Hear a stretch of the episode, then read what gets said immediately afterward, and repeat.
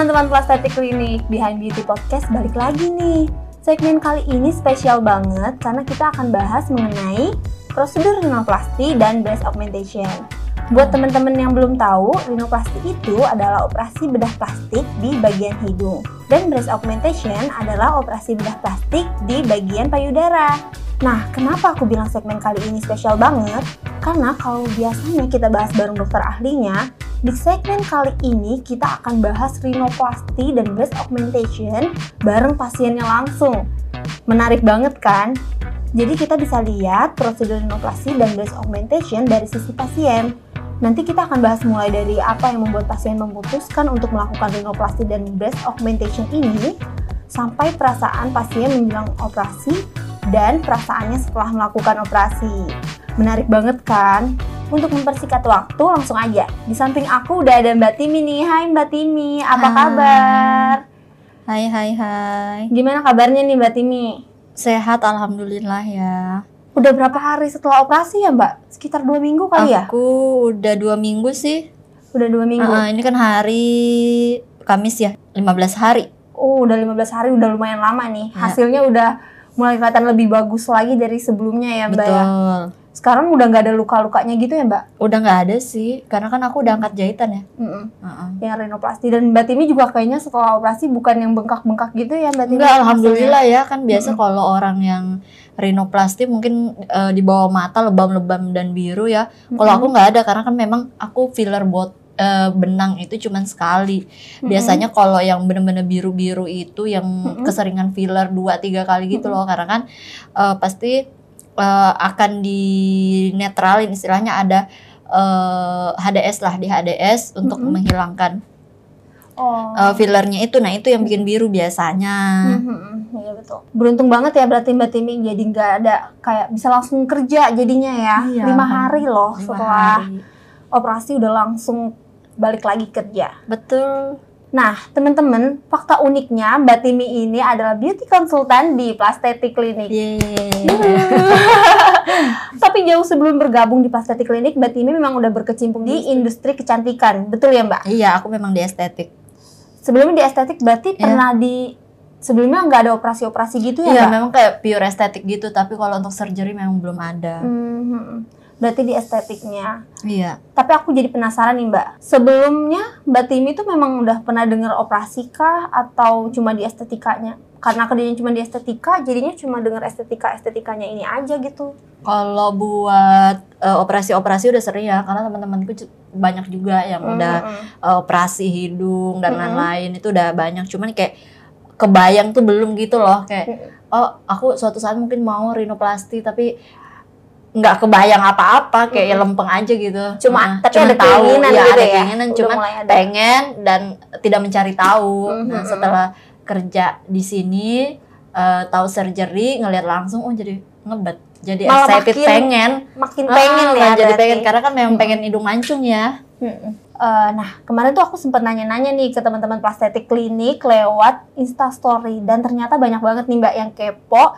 gimana cerita di balik operasi Mbak Timi. Bakal banyak banget pertanyaan nih Mbak. Siap siap siap siap. Dan kayaknya teman-teman Plastetik yang dengerin udah mulai gak sabar nih denger ceritanya. Jadi langsung aja kita masuk ke segmen Sisi Pasien.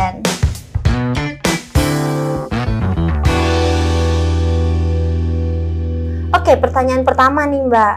Ini pertanyaan yang banyak banget ditanyain sih Mbak. Apa yang membuat Mbak Timi memutuskan untuk melakukan prosedur rinoplasti dan breast augmentation?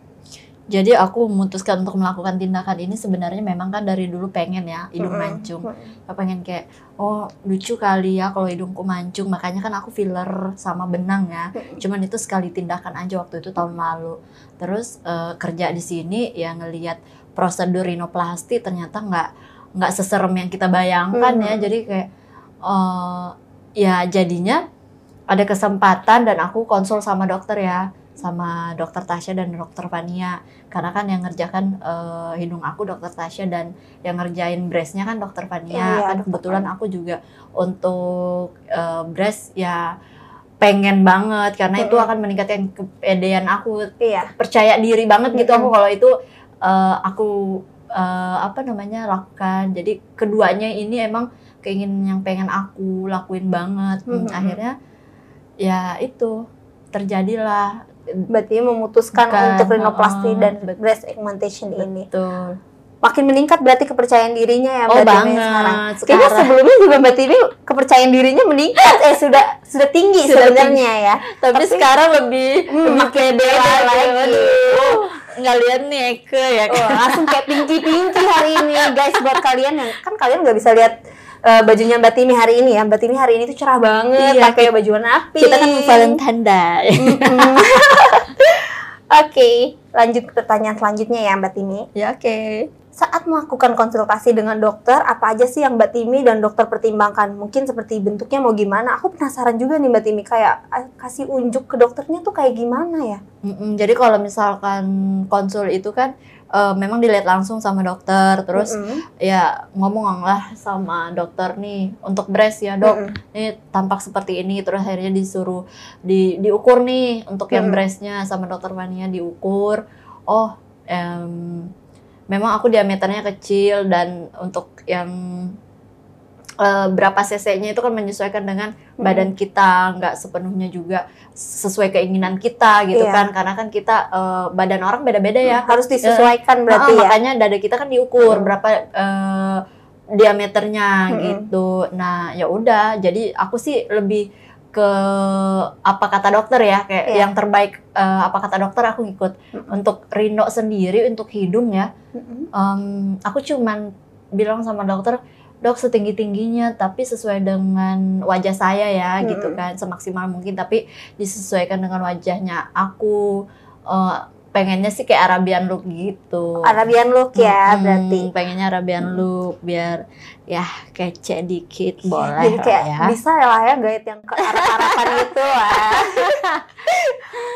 Tapi kita bisa lihat kasih contoh gitu nggak sih Mbak kayak kasih foto. Ini aku mau mirip sama artis ini. Oh gitu. bisa bisa bisa Mm-mm. banget. Jadi eh kita kan punya referensi ya, Mm-mm. dok. Eh, kayaknya kalau kayak gini cocok nggak sih di muka aku? Mm-mm. Kayak gini pasti dokternya kayak oh ya bisa bisa nanti dibuat kayak gitu, tapi tidak bisa semirip itu setidaknya Mm-mm. menyerupai. Oh, Jadi kita iya. punya bayangan, dokter punya bayangan nih. Oh dia pengennya setinggi ini. Mm-mm. Dan aku juga ngomong gitu sih sama dokter Tasya kemarin kayak dok, aku pengen kayak Arabian lu kayak, kayak setinggi ini. Oh iya iya iya nanti semaksimal Mm-mm. mungkin ya Mi, tapi tetap disesuaikan dengan wajah kamu. Iya, kita kan orang Asia ya, nggak bisa dong dirubah yang bener-bener Mm-mm. ngeplek sama orang yang kita Iya, referensiin nggak bisa. Kita kan Kecuali kalau emang pengen operasi semua bisa kali ya Mbak? Bisa nggak ya? tetap nggak bisa. Oh semirip apa pun, Mm-mm. maksudnya kita mau menyamakan bener-bener menyamakan ya. Mm-mm. dasar wajah kita kan beda-beda. Iya, ya. Mm-mm. nanti kalau mirip banget orang-orang jadi bingung ya Iya, Mbak. eh, yang mana nih yang asli, Mm-mm. yang mana KW Mm, ya kan? Iya. Mbak Timi waktu itu pengen mirip sama siapa tuh Mbak? Aku tuh waktu itu ngelihatnya re- referensinya selebgram yang Sarah Gibson itu kan. Hmm, Ya kan iya, memang Sarah tapi Gibson. di aslinya kan memang dia bule ya, ada campuran Iya, bule. Jadi kayak dia memang ya tinggi, tingginya tuh bagus. A- Mm-mm. Satunya tuh si Tanaya itu dia Arab. Oh dia Nah, Arab Tapi emang. memang mereka tuh asli. Jadi aku referensinya memang hidung-hidung yang eh, asli Mm-mm. mereka dari dasarnya eh, mancung gitu Mm-mm. kan. Jadi kayak lebih natural kasih Ah, lihatnya dia pakainya kayak gini. Ini tapi iya. bukan Rino dia bukan gitu. Rino, dia memang asli hidungnya kayak gitu karena kan Mm-mm. dua-duanya ini referensinya orang Indo tapi yang apa eh, keturunannya tuh ada Arabnya, Iya, ada, ada Arab-Arabnya. bulenya gitu Mm-mm. kan. Iya.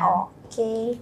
Berarti mirip Sarah Gibson ya. Eh, Berarti ini sekarang ini udah mirip-mirip kayak Sarah Gibson nih. Katanya sih lebih kayak Arabian sih, tapi nggak Iya, tahu deh iya. orang yang menilai. Aku juga lihatnya gitu sih, Mbak. Karena sama kayak bulu matanya eyelashnya kali ya. Mm-mm. Juga tebel, jadi mirip makin kelihatan Arabian kalau menurut aku ya. Iya. Nanti kita ya. lihat aja, teman-teman nanti kalau mau lihat juga bakal ada videonya Mbak Timi juga. Ah, Iya, nanti bisa dilihat ya guys. Hmm. Oh iya Mbak Timi, Eh, ini ada yang nanya juga, eh, Mbak Timi pakai prosedur rinoplasti apa? Pakai implan kah atau full tulang rawan? Hmm, kebetulan aku pakainya full iga ya, karena kan aku breast. Breast itu kan eh, tulangnya dipotong. Mm-mm. Jadi sekalian pas dibuka, sekalian ngambil iga gitu. oh iya. Jadi aku sekalian. pasang pasang implan untuk Mhm. breastku ini. Nah sekalian lah itu diambil tulang iganya, Mhm. ah, di sekalian dipotong. Itu aku sebelah kanan. Terus aku juga kan pakai metode baru ya. Metode barunya Dokter Tasya memang em, ada selubung otot yang di kepala yang diambil untuk Oh, nge-wrapnya, nge-wrap iganya yang di batang. Karena kan biasanya yang di Hmm. batang itu kayak eh, pakai implan gitu kan. Nah, aku Mm-mm. tuh mau bener-bener full iga kayak di tipnya yang di bawahnya iga, yang batangnya iga. Jadi yang bener-bener full iga yang diambil. Berarti itu yang dari kepala itu buat tip atau gimana? Iya buat batang. Oh, Kalau yang oh, buat datang, ah, buat kalau tipnya itu yang Mm. di bawah yang buat eh, mancungin apa Iya. cupingnya itu Oh, itu pakai i- Iga. iga full. Hmm. Tapi kalau yang batang itu ada eh, di wrap pakai selaput dari selapu- otak eh, dari- selubung, selubung Oh, namanya, selubung. selubung eh, otot kepala. Oh, itu otak diambil tiga kali tiga gitu, terus eh, buat nge-wrap jadi kayak yang iganya dicancang-cancang, terus Mm-mm. di-wrap pakai itu baru dimasukin ke Mhm. batangnya. Oke. Ini karena Mbak Timi adalah beauty konsultan, jadi paham banget ya Mbak Iya, ngejelasinnya nih. Oh iya Mbak, tadi sempat kelewat.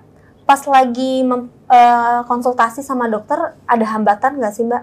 Hambatan sih kemarin kan karena diameter dadaku untuk ini ya, untuk breast ya, Mm-mm. eh, kayak eh, tidak seperti orang no- orang normal pada umumnya. Mhm. Aku tuh lebih pendek, diameter dada aku tuh lebih pendek gitu loh. Hmm. Jadi kayak kemarin aku harus ronsen, aku harus ronsen Hmm. eh, karena ada penyebab ada penyebab scoliosis apa Mhm. enggak, Eh, ada faktor scoliosis apa enggak Ah, ah, ah. gitu. Jadi makanya suruh ronsen, oh ternyata enggak. Hmm. Jadi eh, buat jaga-jaga sih, Iya. makanya kan disuruh ronsen. Berarti nggak kenapa-napa ya kenapa-napa. Tapi kalau untuk rinonya sih mungkin karena ada benang filler, hambatannya sih eh, kalau untuk hidung yang masih benar-benar belum pernah diapa-apain sama Mm. yang udah pernah di treatment-treatment eh, filler benang gitu kayak Mm. lebih bagus hasil yang belum pernah diapa-apain sih. Oh gitu. Heeh, maka- Tapi Mbak Timi hasilnya juga bagus sih. bagus ya. banget sih, alhamdulillah ya. Nggak bengkak lagi. Ah, ah, itu nilai nggak ada plus bengkak. banget. Bengkak ada tapi nggak heboh. Hmm. Iya, kayak nggak yang biru-biru Hmm, gitu. kan nggak, kita nggak. sering lihat tuh gambar-gambarnya kayak Hmm. ada yang biru, bengkak banget gitu. Enggak sih, enggak. Bener-bener Hmm, bersih bersyukurnya tuh banget kayak gitu nggak ya. biru, bersyukurnya Mm-mm. tuh karena nggak biru kan. Mm-mm. Ya kalau orang kan ada yang sampai lebam-lebam banget Iya, yang di bawah mata. Kalau aku sih nggak ada nggak sama sekali. Iya. Cuman bengkak aja bagian hidungnya kan pasti bengkak dong. Mhm, Oh, Iya.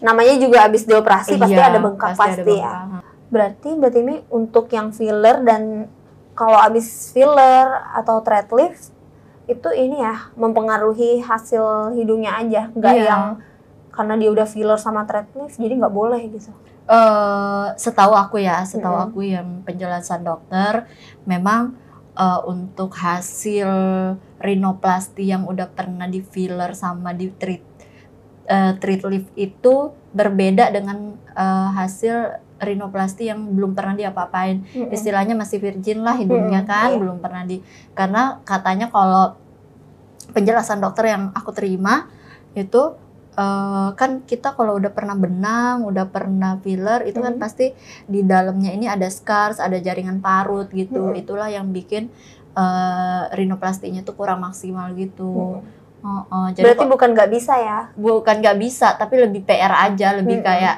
lebih sulit dan, dan hasilnya lebih kurang maksimal. Mhm. Nggak sesuai mungkin sesuai ekspektasi tapi tidak bisa yang benar-benar apalagi kalau Apalagi harus tinggiin banget Eh, itu oh, nggak bisa. bisa, karena ada soalnya ada penipisan kulit kan Oh, pastinya iya. karena kan ada scars Oh iya, benar. Iya. Scars itu maksudnya scar di dalam, dalam itu di ya, dalam, dalam oh, hidung pada ya? saat dibuka Hmm. itu scars ada scarsnya Hmm. gitu loh kelihatan jadi jaringannya juga kayak teksturnya tuh kayak udah nggak halus udah Iya, kayak apa sih kayak kan Jadinya udah nggak virgin lah Ah, gitu ya, Mbak iya, ya? benar-benar Oke.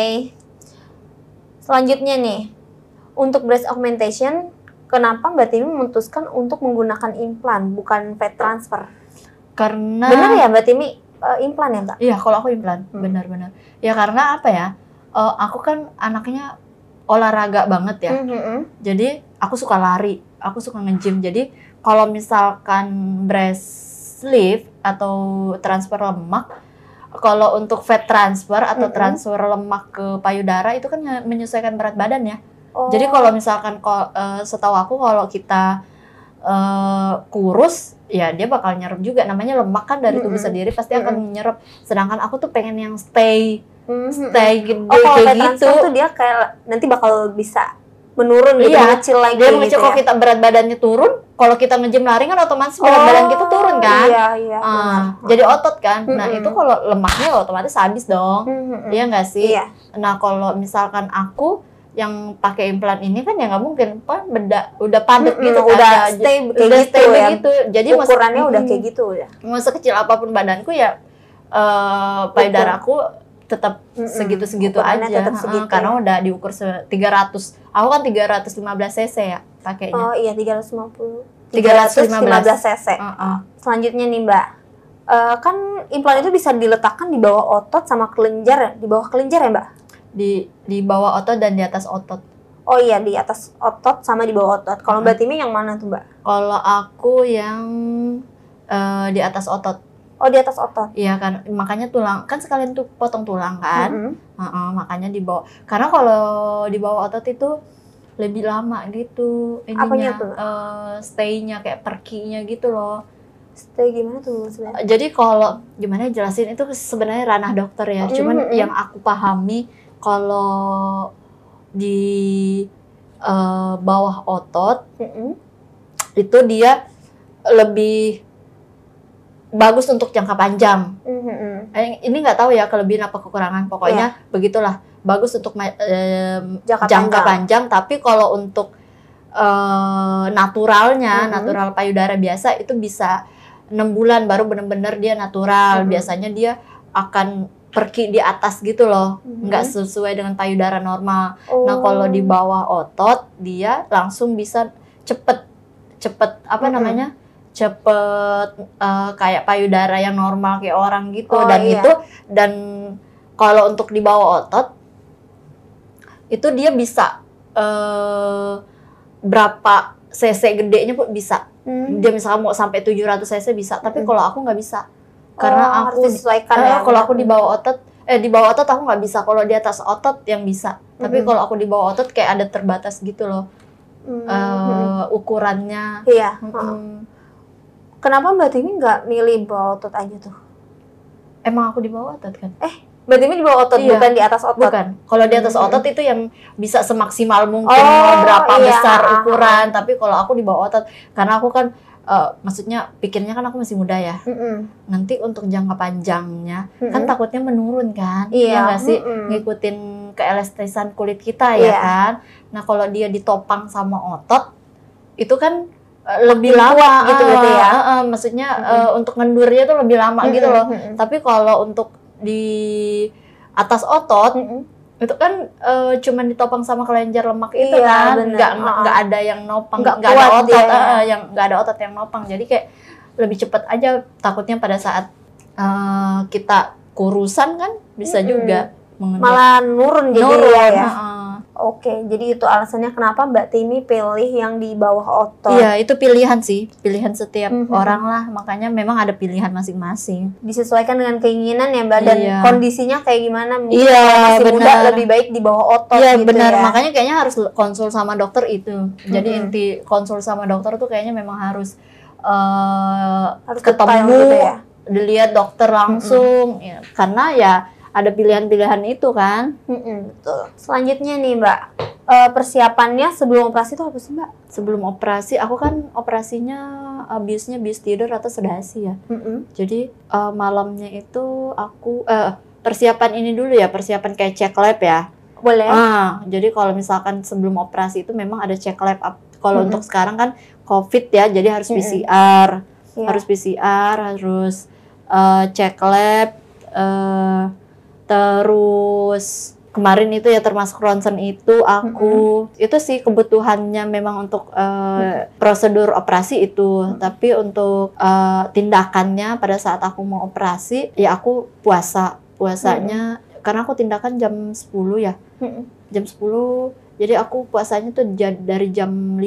subuh Dari jam 5 subuh. jam 5 subuh aku udah nggak boleh makan Mm-mm. nah makan-makan itu setelah keluar dari ruang operasi Mm-mm. terus aku nggak boleh sebelum operasi itu satu minggu sih kalau bisa di stop kayak minum-minum vitamin apa pun itu Oh, vitamin jenisnya nggak boleh gitu ya nggak boleh Eh, terus obat-obat herbal itu aku nggak boleh sama sekali Tapi kalau skincare skincare gitu masih nggak boleh. masalah Oh, itu nggak itu masalah nggak ya? ngaruh sih Eh, sama ada ini nggak sih Mbak? Kayak kita harus beli sesuatu untuk nanti pasca operasi. Oh itu kayak ini sih kita kan kalau untuk breast ya Mm-mm. kalau untuk breast dia aku kan pakai korset ya Mm-mm. pakai korset minimal tiga bulan sampai enam bulan kan Mm-mm. terus kalau untuk Rino, hidung nggak ada. Hanya perlu digips sampai 10 hari. Gipsnya juga pasti dari sini ya. Dari sini memang pada saat selesai operasi kan udah digips, Mm-mm. tapi itu nanti ada kontrol kan, kontrol Mm-mm. hari ketiga. Mm-mm. Nah, itu cuman kayak dilihat, Mm-mm. terus dipasang lagi gipsnya, dibenerin karena pasti agak longgar kan. Oh iya benar. Heeh,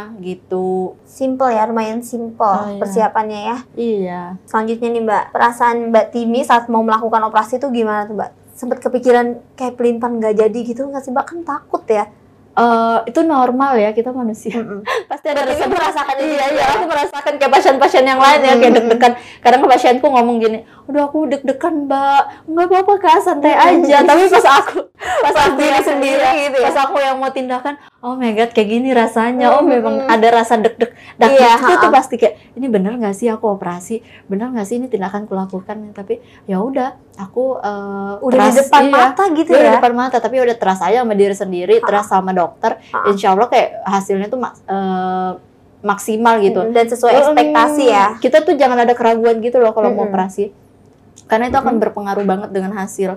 Jadi kalau kita ragu juga hasilnya kayak kurang maksimal menurut kita ya. mm-mm. Uh-uh, Betul makanya kayak kita harus benar-benar apa yang harus ah, yang mau kita lakukan ya udah percaya aja sama diri sendiri sama percaya sama dokter. Iya, kepercayaan kita sama dokter gitu ya. Iya, jadi kita percaya sama diri kita sendiri bahwa oke gue ngelakuin tindakan ini sama eh, kita percaya sama dokter 100%. Jadi Mm-mm. dokternya juga lebih nyaman untuk melakukan eh, surgery itu Mm-mm. karena kan kitanya nggak gelisah, nggak ragu kan. Iya. Iya nggak sih? Iya, benar itu kayak tuh. psikologi gitu kalau masuk kan. Iya, iya. Heeh. Kayak afirmasi gitu. Iya, iya nggak sih? Heeh.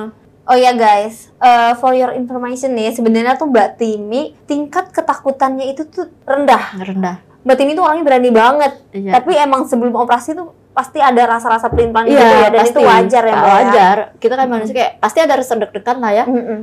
Oh iya, tapi nggak apa-apa. eh, itu wajar. Tapi setelah wajar masuk ruang operasi kan kita cuman nggak nggak seberapa lama tidur kan pasti Mm-mm. langsung udah tidur. Iya, benar banget. Cuman berapa menit aja masuk bius langsung tidur. Jadi nggak merasakan apa pun. Mm-mm, Iya. Deg-degan di awal doang, sebentar. Iya, sebentar doang nanti Uh-uh. juga berlalu gitu kan. Tapi pas bangun operasi tuh nggak ada rasa apa-apa loh. Oh iya, oh iya, Mbak aja. juga nggak ini nggak sadar kan? Skip Mbak Timi tuh setelah operasi difoto guys, dan Mbak Timi nggak nggak sadar kalau dia difoto. Oh, pas dikirim foto, oh ternyata kita ada foto-foto. Oh, belum, itu belum sadar. itu belum sadar ya. Belum sadar. Karena kan juga bius total ya. bius total pasti ada masih efek biusnya Mm-mm, jadi kayak benar. masih masih ngawang-ngawang ya istilahnya kita kan masih Iya. oh ya oke abis makan minum obat baru beneran sadar Iya. abis itu malah segar mata Mm-mm. karena kan kita abis tidur nyenyak Iya, tidur lama banget tuh. Iya. Berapa jam lima tidur? jaman Di lah siang-siang. lima jam Oh, lima jam ya? Heeh. Sumpah ini pembahasannya seru banget sih Mbak Timi. Kita lanjut ya ke pertanyaan selanjutnya. Eh, setelah operasi ada efek sampingnya nggak sih Mbak? nggak ada sama sekali sih efek samping yang aku rasakan mungkin karena eh, toleransi sakitku tinggi ya Mm. jadi kayak karena aku pengen dan excited banget dengan rinoplasty dan breast ya aku nikmati aja sakitnya ya nggak sih Iya. Iya kan, jadi ya udah gitu aja. Dan untuk efek samping ya em, untuk rinoplasti mungkin em, resiko penyerapannya ada karena kan aku Mm-mm. pakai full iga Iya. dari tulang sendiri bisa jadi kalau misalkan aku alergi obat atau misalkan aku minum-minum obat herbal yang gak cocok bisa aja nyerap gitu. Itu Hmm. resikonya, Iya. bukan efek samping ya, tapi Nyerap resiko. tuh maksudnya jadi makin Ja- jadi kayak gitu ya? pendek, Hmm, makin nyusut pendek, gitu. iya. heeh. bukan maksudnya bukan efek samping yang kayak yang gimana gimana bahaya Enggak, banget enggak, gitu kan. enggak, Cuma enggak. Ya lebih pendek aja lebih gitu dari eh, sebelumnya. lebih resiko gitu Hmm. resiko kita harus terima resiko-resiko Mm-mm. yang bakal terjadi biar kita nggak kecewa gitu sih Iya, tapi kalau untuk breast breast sih eh, nggak ada sih cuman kayak hari ke pertama kedua ketiga memang harus bed rest kan. Karena kan Mm-mm. pegel kita kan ada benda asing masuk ke tubuh kita Iya, gimana sih? ya pasti penyesuaian lah. Tubuh kita menyesuaikan. Dan ada luka jahit pasti nyut-nyutan. Tapi kan nggak apa-apa kita ya minum namanya obat. habis dioperasi ya pasti. Kayak kita kan gitu. minum obat Hmm. jadi ya udah. Dinikmati hari kelima udah biasa aja. Lima hari ya berarti Lima. Timi ya? Ha-ha. bed rest gitu. Itu bener-bener cuma ya udah di kasur doang di gitu kasur Mbak. makan tidur ya udah gitu doang. mandi gimana? Tapi mandi masih mandi seka-seka mandi gitu mandi seka-seka aja. Mandi nggak bisa kan aku hidung. Terus Oh, breast iya. juga gimana cara Mm-mm. mandinya. Jadi cuma dilap-lap lap-lap aja gitu ya. juga kan emang nggak boleh juga ya ya, sama eh, apa pusar ke bawah boleh lah ya disiram-siram. Ya itu nggak apa-apa. Kalau dari pusar ke atas Iya, bahaya nih. bahaya. Pertanyaan selanjutnya nih Mbak. Ini tuh pasti banyak banget yang penasaran sama pertanyaan yang ini. Apa perasaan Mbak Timi saat melihat wajah baru Mbak Timi? Gimana tuh Mbak? Pas mulai pas lihat ngaca kan tuh kayak langsung, ih ya ampun ini siapa gitu kali ya? Iya, jadi kayak kan Rino ini kan berpengaruh banget pada wajah Iya, kita ya ha. kan pasti akan ada perubahan yang lumayan drastis gitu Mm-mm. kan. Jadi kayak hah kepanjangan gak ya hidung gue?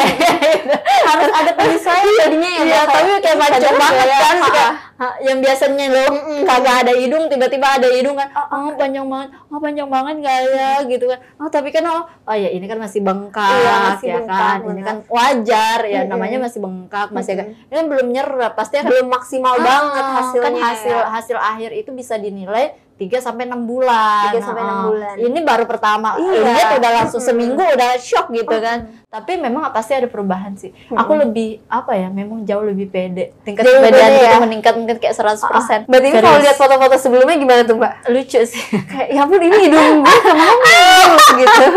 Nggak ada gitu dulu. ya Allah. Jadi malu Eka. Gak apa-apa kok Mbak. Aku juga pas eh, pas ngeliat eh, muka Mbak Timi kayak Iduh hidungnya kepanjangan gak sih? Tapi Iya. setelah aku lihat before afternya Mbak Oh ternyata emang lebih bagusan sekarang daripada Iya, sebelumnya kan? gitu Nah, ini kan belum hasil akhir juga kan. Iya. Akan ada eh, penyerapan dan hasil akhir nanti di enam bulan mungkin ya kita lihat hasil Iya, tetapnya ya. itu. Dan lifestyle berpengaruh sih. Lifestyle Makanya Iya. aku nggak boleh apa begadang, rokok, minum yang gitu-gitu berpengaruh banget. Iya Heeh. Dan itu sebenarnya buat kebaikan Mbak Timi juga Betul, ya. betul. Ini pertanyaan sebelum terakhir nih Mbak. Apa sih pandangan Mbak Timi terhadap bedah plastik? Eh, Bedah plastik itu kan tidak melulu untuk eh, kecantikan, Estetik ya. estetik ya istilahnya, tapi untuk lebih eh, keperbaikan juga. Mm-mm. Jadi kayak sesuatu yang kita merasa kurang, terus kita perbaiki. Mm-mm. supaya jauh lebih baik Mm-mm. gitu kan terus kita juga lebih percaya diri karena Mm-mm. kan kita kalau dilihat orang nggak percaya diri orang juga gimana ngelihat kita Iya, ya kan itu berpengaruh sih jadi ya kembali ke mindset masing-masing setiap orang aja lah untuk Mm-mm. eh, bedah plastik ini tapi ya orang harus kalau kita smart ya bisa berpikir untuk oh eh, setiap orang pandangannya beda-beda kok Iya. tentang mm-mm. tentang surgery. Makanya harus mengenal dulu sih. Karena Iya, kadang-kadang kita ya. mengejudge tapi tidak tahu, Mm-mm. ya kan? tak kenal maka tak sayang. Benar. Kita harus kenalan Harus dulu nih kenalan sama apa sih maksudnya, plastik. apa sih gitu. sebenarnya Mm-mm. plastik ini? Padahal bedah plastik ini bisa meningkatkan kualitas, Kualitas hidup pasien ya. betul banget. Setiap orang jadi makin tinggi kepercayaan dirinya benar, gitu. benar, benar. Karena kan bukan cuman merubah mungkin hidung yang aku rubah, tapi kan ada Mm-mm. bagian-bagian tubuh yang lain yang mungkin kayak ma- mohon maaf nih ya kayak eh, bibir sumbi yang cacat Mm-mm. lain Oh itu kan iya, bisa benar. diperbaikin. Iya, betul Iya, juga ya. oh, itu bisa diperbaikin loh. Mm-mm. itu dan itu kan eh, seseorang itu akan merasa senang sekali. Memang ada juga beberapa pasien yang yang kemarin juga yang aku tanganin tuh kayak eh, apa ya setelah dia itu pulang ke Kalimantan Mm-mm. nikah. Langsung Mm-mm. ini ya langsung Iya. oh berarti bisa mendekatkan Iya, jodoh juga jodoh. nih operasi bedah plastik kita lihat nih Mana tahu ya? Iya, mana benar. tahu Eka bisa operasi langsung Iya. dapat jodoh saya. kita lihat aja nih selanjutnya mbak Timi gimana nih statusnya Statusnya aduh sedih. kita lihat berapa lama setelah operasi bedah plastik ini Mm-mm. mbak Timi menemukan Kan- pujaan hatinya pendamping hidup. oh iya pendamping hidup, Hidup. uh ini yang Iya. didam-idamkan sebenarnya. Amin. salah satu tujuan operasi bedah plastik juga ini ya Iya, Timi iya betul Iya. betul. Salah Karena satu aku tujuan percaya Timi. diri, jadi kayak aku pede aja kalau ketemu dia, jadi kayak aku nggak Iya. insecure Ah, gitu kan. kan udah makin pede Mm. Nah, ini pertanyaan terakhir nih, Mbak. Bener-bener terakhir. Kalau yang tadi itu sebelum terakhir. nah, terakhir nih, Mbak. Boleh spill dikit nggak sih biaya operasi bedah plastiknya, Mbak? Boleh Ah, spill nggak tuh, Mbak? Boleh spill nggak ya? Kisaran kali ya, kisaran kasih tahu. Kalau kisaran penasaran dari gitu ya. eh, 100 sampai eh, 150 lah ya. 100 sampai Karena aku dua 150. tindakan. Mhm. Tapi kalau mungkin satu tindakan ya 50 sampai 100. Mhm. Kalau bisa lebih dari 100 juga kalau eh, keinginannya makin makin, banyak. ya. Karena kan aku memang untuk rinoplasti sendiri itu kan aku dari full iga. Mhm. Karena full iga itu tidak murah, Mhm. lumayan ya. Untuk Mm-mm. price-nya lumayan. Jadi ya nabung-nabung ya habis tabungan. Nabung-nabung Tapi nggak apa-apa, kita nabung lagi Iya, sekarang. nggak apa-apa. Iya Kan kan? Uang emang harus digunakan, Iya, harus jangan digunakan. disimpan terus Iya, gitu. harus digunakan. Jadi Setelah kita ini semangat kan- lagi untuk menabung. Mm-mm, Setelah ini malah, malah- malah makin nambah. Iya, makin nambah amin. iya benar makin nambah Mbak, Iya, insya iya. Allah ya. Amin ya Allah. Setelah podcast ini kan teman-teman jadi makin tertarik Iya, sama bedah iya, plastik saya kan. plastik klinik. Mm-mm, bisa langsung Semoga langsung ada. Langsung sih habis ini kayaknya. Iya, langsung Jangan lupa ya teman-teman, langsung hubungi Mbak Timi. Iya, boleh banget. Kalian bisa DM Plastetik Klinik nih, nanti akan kita hubungi sama Mbak Timi. Iya, benar. Tapi kalau ke plastik klinik pasti ketemu aku. Nah, Aku bercerita deh sama kalian. Hmm, abis dengerin ini masih ada yang bikin kamu penasaran, abis itu ketemu Mbak Timi dan Iya. tanya lagi. Tanya langsung lagi Hmm, kan. benar. Biar kalian gak penasaran. Iya, daripada mati penasaran kan ya Mbak. nah itu dia cerita prosedur rinoplastik dan breast augmentation dari sisi pasien. Semoga bisa menjawab rasa penasaran teman-teman plastetik klinik ya. Betul. Mbak Timi terima kasih banyak ya udah mau sharing pengalamannya melakukan rinoplasti dan breast augmentation ini di plastetik klinik. Iya, aku juga makasih ya udah ditanya-tanya. Jadi eh, teman-teman lebih banyak tahu lagi. Iya kan Gitu. makanya seperti yang tadi kita bilang ya tak kenal maka tak sayang. sayang. Kalian harus tahu dulu nih bedah plastik dan sisi pasiennya itu gimana Iya, gitu kan. benar-benar. Selama ini tuh kita dengernya dari sisi Kayak dokter banget kan, ya juga. lebih ke teori. Nah ini Hmm. dari sisi pasien yang emang awam sama bedah plastik juga Hmm. sebelumnya gitu. Cerita Mbak Tim ini benar-benar bikin kita melek sih sama operasi bedah plastik. Betul. Buat teman-teman plastetik klinik, ikutin terus ya Behind Beauty Podcast karena masih banyak segmen-segmen seru lainnya. See you next podcast. See you. Bye-bye. Bye.